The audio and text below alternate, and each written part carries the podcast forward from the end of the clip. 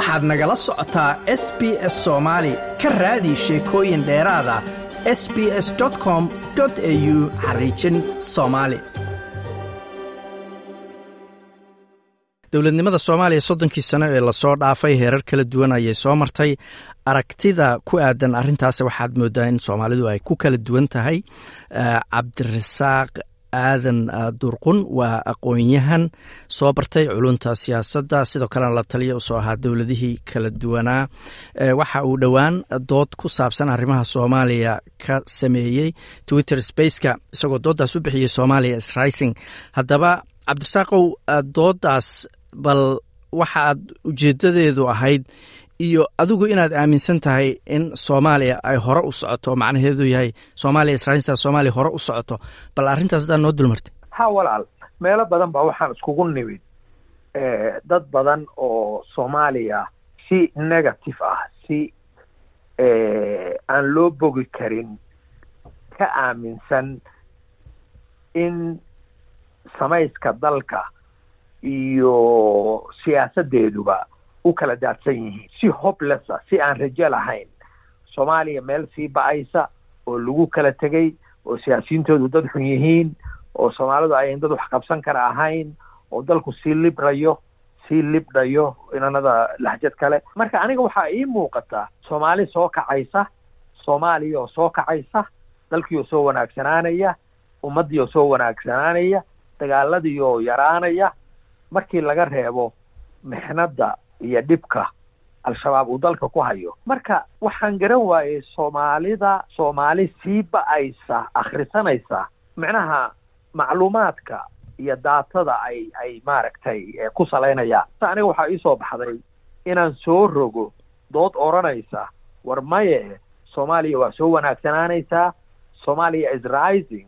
Marka halkaasay ka timid space twitter space marka waxaan furay. Oo dadku ay u qabaan provocative macnaha annagaad nagu dheelaysaayo waad na foorjeynaysaa ma ahane soomaali sii wanaagsanaanan ma aragno oo dhib badan aan kala kulmay bal adiga hadda dadka ku dhegaysanaya rajadaas weyn oo aad muujinayso oo aad leedahay waddanku waddan baaba-aya ma aha maxaa ugu waaweyn oo aad qiil uga dhigaysaa? Waddanku dawlad buu leeyahay. Filo soomaaliya dawlad baa ka talisa baarlamaan baa fadhiya.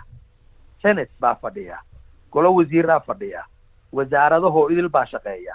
Eeraboorkaa shaqaysa dekedaa shaqaysa lixdameeye flight baa maalintii ka duula maxaa la yidhaahdaa eeraboorka gobol dalku leeyahay oo intaasoo flight ayan maalintii tegin ma jirto. Maxaa la yidhaahdaa intaasoo markab baa dekeda ku soo xirata. Iskuulladaa la wada aadaa. Jaamacadaha la wada aadaa. Magaalada business baa ka socda. Makhaadihii baa furan. Hoteeladii baa furan.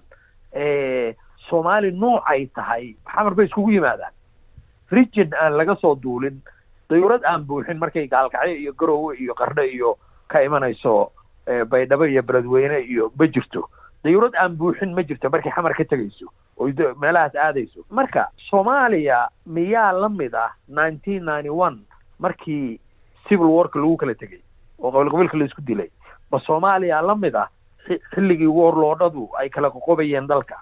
Ma soomaaliya la mid ah xilligii ay dekadu xereyd oo aeroboortka xereyd oo ku jirin oo military ku jirin oo security forces jirin. Ii sheeg ma magaalo aynu naqaano oo soomaaliya ah oo magaalo weyna oo hadda aan intooda hore ka fiicnayn baan jirin. Yacni ii sheeg waxa soomaaliya ku saabsan oo aan soo hagaagin waa maxay. Midkoodna yay noqon sidii u dambeeyey sidii u fiicnayd oo oo oo lala rabay yay midkoodna noqon laakiin masalan ma soomaaliya la mid ah soomaalida laba kun iyo labaatan iyo saddexda miyaa la mid ah soomaalidii masalan labada kun soomaalidii laba kun iyo tobankii miyay la mid tahay soomaalida laba kun iyo labaatan iyo saddexda taas wey waxaan ka hadlay waa gartay marka cabdirasaaqow dadkii doodaas ka qayb galay ma la dhihi karaa aqlabiyadoodu fikrad taas ka duwan bay qabeen waxay aaminsan yihiin dalku inuusan wax weyn ka soo hagaagin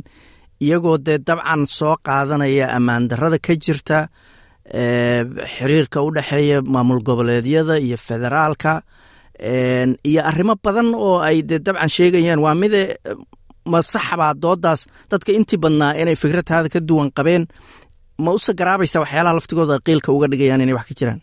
Horta habeenkii markaan dooda qabanay haddii kontumeeyo qof ay dooda ka qayb gashay ama ama wax ka tiri. Waxaan is leeyahay shan iyo afartan ka midi waxay leedahay meel baa lagaa soo diray cid baad u adeegtaa soomaali wanaagsanaanina ma aragno soomaaliya waa kala ba'day wax wanaagsanu ma jiraan cirkaa soo dumaya bay leeyihiin. Waxaan kaloo ku ark waxaan iri waxaan ahayn bay afka ii gelinayaan. Micnaha soomaaliya waa samaysantay oo sidii la rabay bay noqotay baa tiri bay leeyihiin.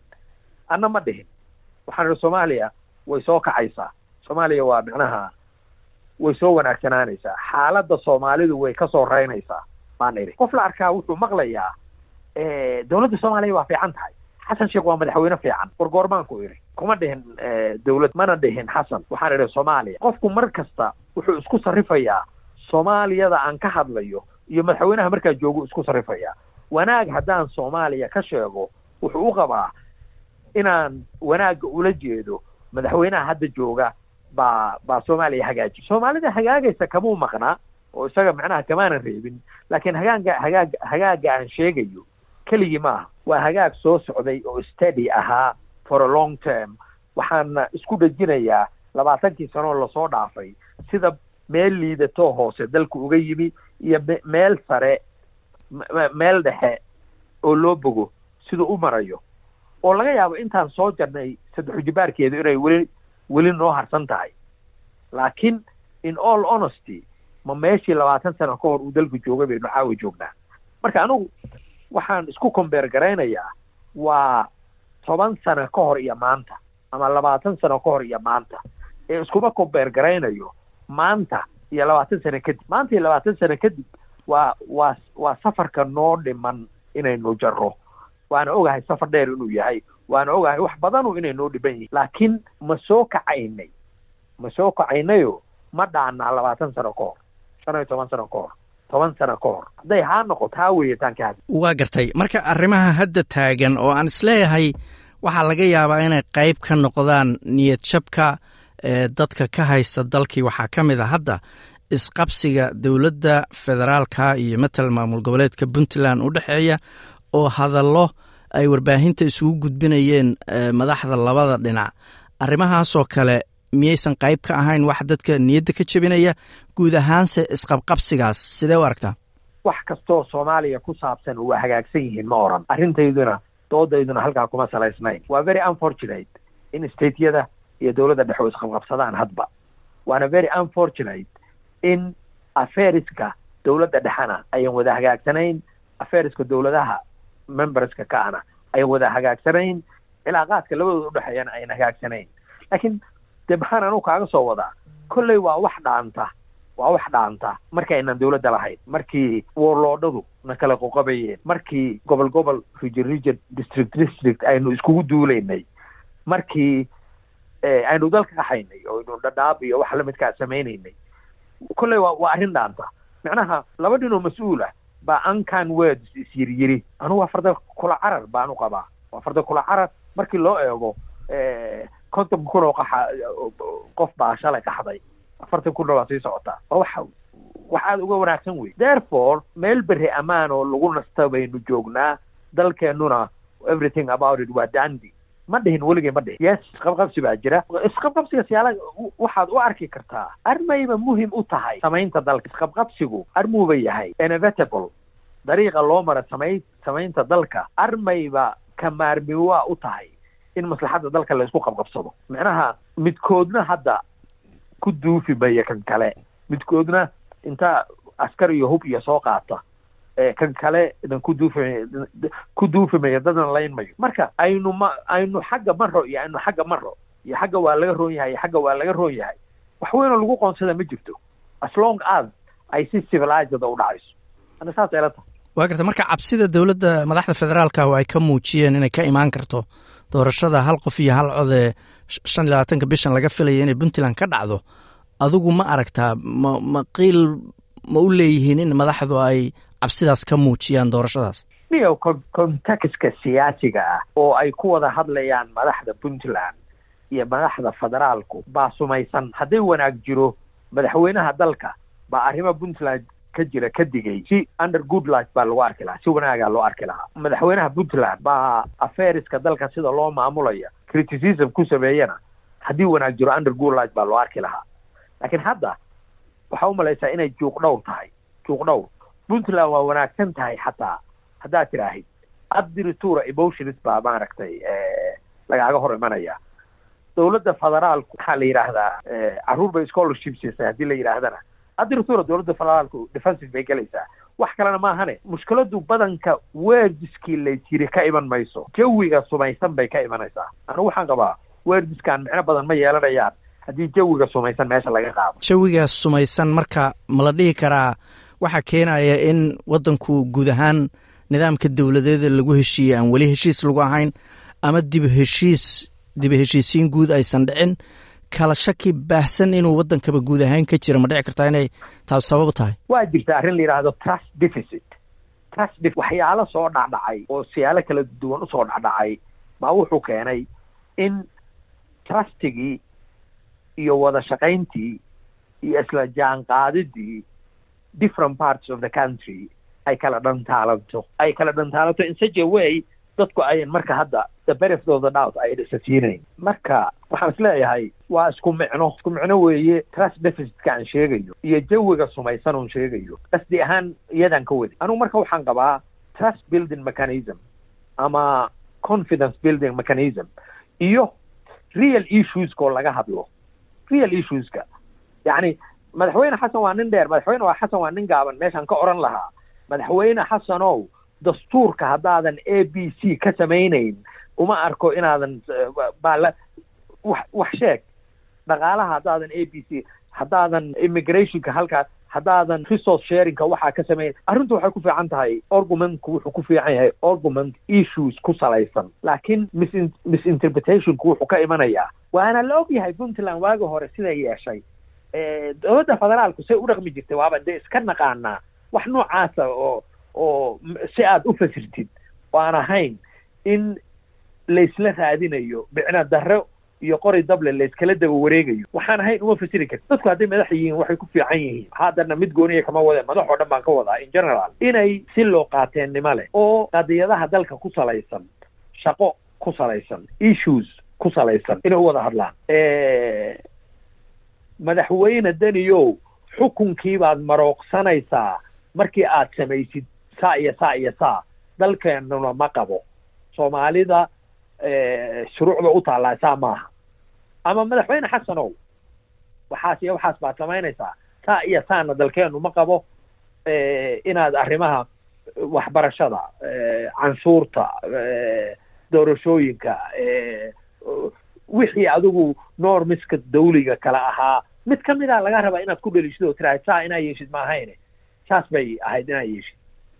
Laakiin waxay taraysa male inaad maalin walba ay xusuusatid madaxweyne hebel inta inta dhibkiisu leegyahay ba macnaha personification of politics sidiisa lama qaadan karo. Dad dhan oo aad u dhiibatay oo meeshii ayan ayan qadiyadihii dalka ayan ka warramayne ay ka warramayaan waxyaala iska iska ama personala ama propagandaa ama suuq isku gelida ilaa wa ilaa xasan sheekh suuqa u gal nin liita ka dhig ama deni suuqa u gal. Tahlukaa dhacday dadki waa fahamsan yihiin. Meeshaan wax ba'san oo marnaba aan loo qaadan karin baa ka jira waa fahamsan yihiin. Laakiin qadiyadihii dalka kuma salayn karaan. Waxay isleeyihiin waa waa arrimaha ay dadku soomaalidu yidhaahdaan malaha biyo ka hoos bay iska arkeen. Waa garta cabdirasaaqo marka tan ugu dambaysa haddii dabcan dowladihii kala duwanaabaad la soo talisay ama la taliyo u ahayd haddii maantay dowladda joogto soomaaliya oo federaalka oo xasan sheekh maxamuud madaxweyneha u yahay ama kuwa goboladu hadda siciidanaya arrimaha doorashadaba maxaad is leedahay waxyaalaha ugu waaweyn oo aad kala talin lahayd ama aad is leedahay in sida ugu dhaqsaha badan wax looga qabtaa loo baahan yaha si dalku hore ugu socdo dowladda dhexe anigu waxaan dhihi lahaa dalka waxaad saartaan trajectory aad ku qabyatiraysaan wax walba oo dalka cagihiisu inay ku istaagaan loogu baahan yahay. Waxaad dhammaystirtaan political processka dalka. Political process wuxuu ku dhammaystirmayaa wax la yidhaahdo one man one vote. Marka si one man one vote xilli la suurto gelin karo loo gaaro ugu yaraan tobaneeye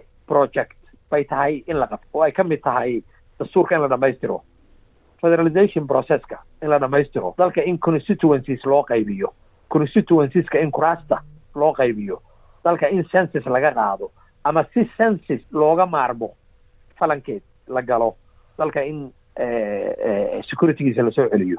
Oo africa u fasirmaysa sourceska insecurity-ga in in maaragtay wax laga qabto. Puntland aniga waxaan dhihi lahaa horta puntland waa ku khasban tahay inay doorashooyin dalka qabato qof kasta oo doorashooyin baa laga qabanayaa dalka diidana waxaanan ogeyn in hadhow soomaaliya doorashooyin qabato haddana ma ka hor imanaya in hadhow galmudug laga qabto ma ka hor imanaya macnaha riisanka dowladahan oo dhan kumeel gaarka ah aynu u samaynay. So inay dalka one man one vote gaarsiiyaan ma ahayn. Ama puntland ha noqoto ama galmudug ha noqoto ama jubbaland ha noqoto. Wixii madaxda kala duwan oo rijinada lagala ah mid ka mid ah rijinadii haddii laga helo so alxamdulilah maaha puntland laguma maagi karo. Maxaad one man one vote u laguma maagi karo. Laakiin haddii madaxweynuhu si baas oo qaxriya oo uu ku shubanayo oo dadka kale ku xoogayo u samaynayo waa laga celin karaa. Aniguna weli ma garaysni inuu si uu xoogayo u samaynayo ma garays laakiin the appearance of it waa jiri kartaa. Waa jiri kartaa the appearance of it. Yacni anugu hadda kuma lihi siciidani baa francois mitterrand of soomaaliya ah oo marka democratician bele ka dhacday ah kuma lihi laakiin nin walba oo aan dalka doorasho ka samaynayn wuu dhaamaa doorasho less than satisfactory xataa hadduu qabto. fifty percent satisfactory doorashaha xataa hadduu qabto. Kan waxba qaban wuu dhaamaya. Siciidani kan ku xigaa seventy five percent satisfactory ha ka dhigo. Kan ku sii xigaa hundred percent yaa yidhi siciidow ama doorashada qabo oo oo hundred percent u qabo ama doorashaha qabo haddaadan hundred percent doorashada sidii la rabay aadan u qabanayn therefore doorasho dalka ha ka qaban. Argument jaban weeye wax hundred percent dalkeena u ka dhici karaa. For the first go wax hundred percent u dhici karaa male circumstanciya dhib badan oo qaxri ah oo isqabqabsi badan baa wax walba ku dhacayaan. Anigu waxaan qabaa doorashadu yeelkeed laakiin si aan laysku dilin hadday u dhacdo most people welcome bay agteeda ka noqonaysaa. Macnaha meeqa democratic deficit ah baa ku jiray doorashadii dhacday waa laga soo kaban karaa haddaan la isku dilin. Adviceka aan u hayo siciidana waxa weeye siday rabta ha u dhacdo. Waa way micno beelaysaan si la isku dilay haddaa u qabay doorasho dalka ka qabo inta kaleetoo dhan waa lagaa cafiyi karaa si aan la isku dilin u qabo. Waanadaan u hayo waa intaa. Kaasina waxa uu ahaa cabdirasaaq aadan xasan oo khadka telefoonka magaalada nairobi ugu warramay cabdirasaaq aada u mahadsan tahay ya welcome like as la wadaag wax ka dheh lana soco barta facebooka ee sb s soomaali